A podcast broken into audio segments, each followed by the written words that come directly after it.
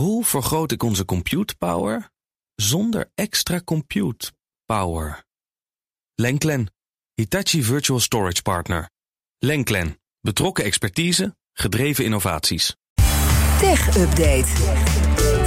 En Michiel Jurjens is bij ons. Hey Michiel. Goedemiddag Lisbeth en Kees. Nou, groot nieuws. Een keiharde tik van Microsoft. We hebben het hier heel vaak over gehad. Maar het Verenigd Koninkrijk blokkeert de overname van Activision Blizzard. Ja, het is een harde tik en het is ook een onverwachte tik. Eigenlijk iedereen die er verstand van heeft, die hield er rekening mee dat er vandaag juist groen licht zou komen vanuit markttoezichthouder de CMA. Waardoor inderdaad die giga-overname van bijna 70 miljard dollar een heel stuk dichterbij zou komen. Maar toen gebeurde eigenlijk het tegenovergestelde. De CMA geeft geen toestemming.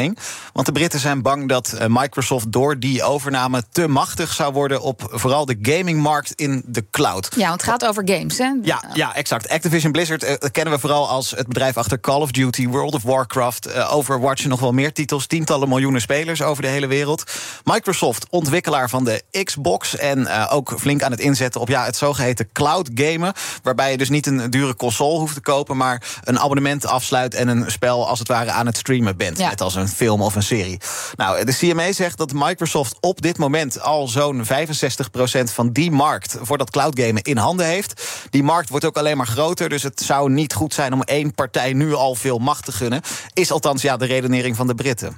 Maar wat betekent dat dan voor die deal? Want daar zijn al heel veel advocaten ja, en dossiers, ja. uh, kilo's papier aan uh, opgegaan. Gaat daar helemaal streep doorheen? Ja, en we hebben ook de FTC, de marktwaakhond in de Verenigde Staten, die met een rechtszaak dit probeert te voorkomen. Dus er gebeurt van alles. Die overname is een stuk verder weg. Dat is wel duidelijk geworden vandaag. Microsoft kan in beroep, gaat dat ook doen, heeft Brad Smith, de president, al laten weten. Die zegt, ja, de beslissing is slecht. En ik snap dat hij dat doet. Die beslissing is slecht voor ja, technologische vernieuwing, investeringen in het Verenigd Koninkrijk. Laat ons dat nou doen, is zijn boodschap. En ja, pragmatische oplossingen voor de bezwaren... die zou de CMA naast zich neergelegd hebben. Okay. Is althans wat Microsoft zegt. Zometeen om half vijf, over een ruim kwartier... hebben uh, jullie in de Daily Move contact met Joost van Dreunen. Ja. Die doet in New York wetenschappelijk onderzoek naar de game-industrie. Die weet hier nog heel veel meer van. En ik verwijs ook graag even naar BNR Digitaal... te vinden op bnr.nl en ook als podcast. Joe van Buurik en Ben van den Burg die praten daar ja, echt een half uur lang... over alle implicaties van deze Britse blokkade. Zeer aan te bevelen.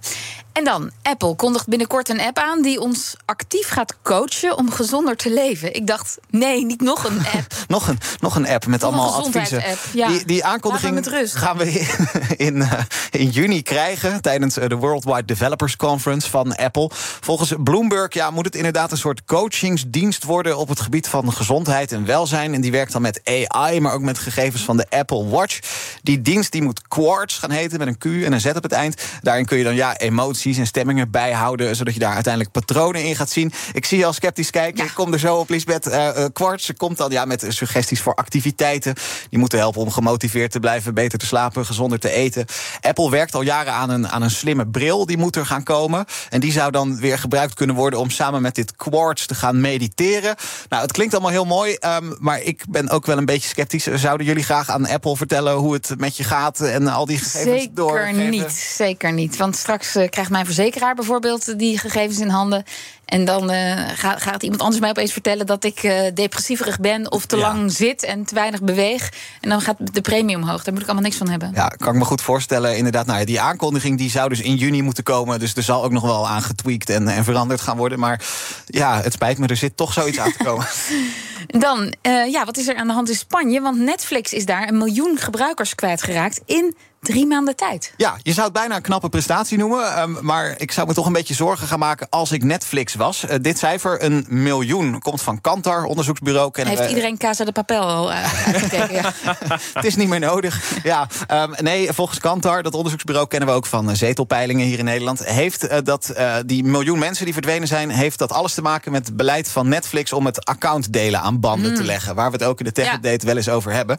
daar wordt nu mee getest, nog niet in Nederland, maar dus wel in Spanje. Als je het wachtwoord van je Netflix-account daar deelt met vrienden, familie, buren, dan moet je daar een paar euro extra voor betalen. En Netflix wil natuurlijk het liefst dat iedereen zelf een abonnement zou nemen.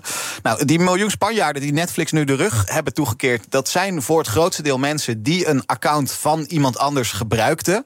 Het scheelt dus niet direct inkomen, okay. want die mensen betaalden toch al niet. Maar Kantar geeft wel aan, en terecht ook, veel reclame voor Netflix... die maken wij met z'n allen onbewust zelf door. Mond tegen- mond, eh, Ja, series aan te bevelen. En, Ja, ja. bij- Bij de koffieautomaat, hey Kees, heb je die en die eh, serie gezien? Precies. Moet je gaan checken. Dus verwachting ja, op de lange termijn, die mond-op-mond reclame, daar kan het ook wel eens vervelend voor gaan zijn. Dit hele accountdeelbeleid. Netflix gaf ook wel aan, dus zij hielden wel rekening met ja, een tijdelijke annuleringsreactie, zo noemen ze het dan zelf. Ja, maar zo, zo hard. Ja, ja, en bij dit onderzoek van Kantar zegt ook 1 op de 10 Spanjaarden die nu een Netflix-abonnement hebben, dat ze overwegen om dat binnenkort te gaan opzeggen. Dus eh, die annuleringsreactie die is nogal stevig, kun je wel stellen. En hij is hier nog niet eens, hè, die maatregel. Dus het, Nee. het, het kan eh, door heel Europa nog Ja. door ebben. Zo, Ja, dit, eh. en wij zijn een zuinig volkje, dus ik ben heel benieuwd wat hier gaat gebeuren. Dankjewel, Michiel Jurjens. De BNR Tech Update wordt mede mogelijk gemaakt door Lenklen. Lenklen. Betrokken expertise, gedreven resultaat. Hoe maak ik van ons VMware-platform een on-prem AI-platform? Lenklen. NVIDIA AI Enterprise Partner. Lenklen. Betrokken expertise, gedreven innovaties.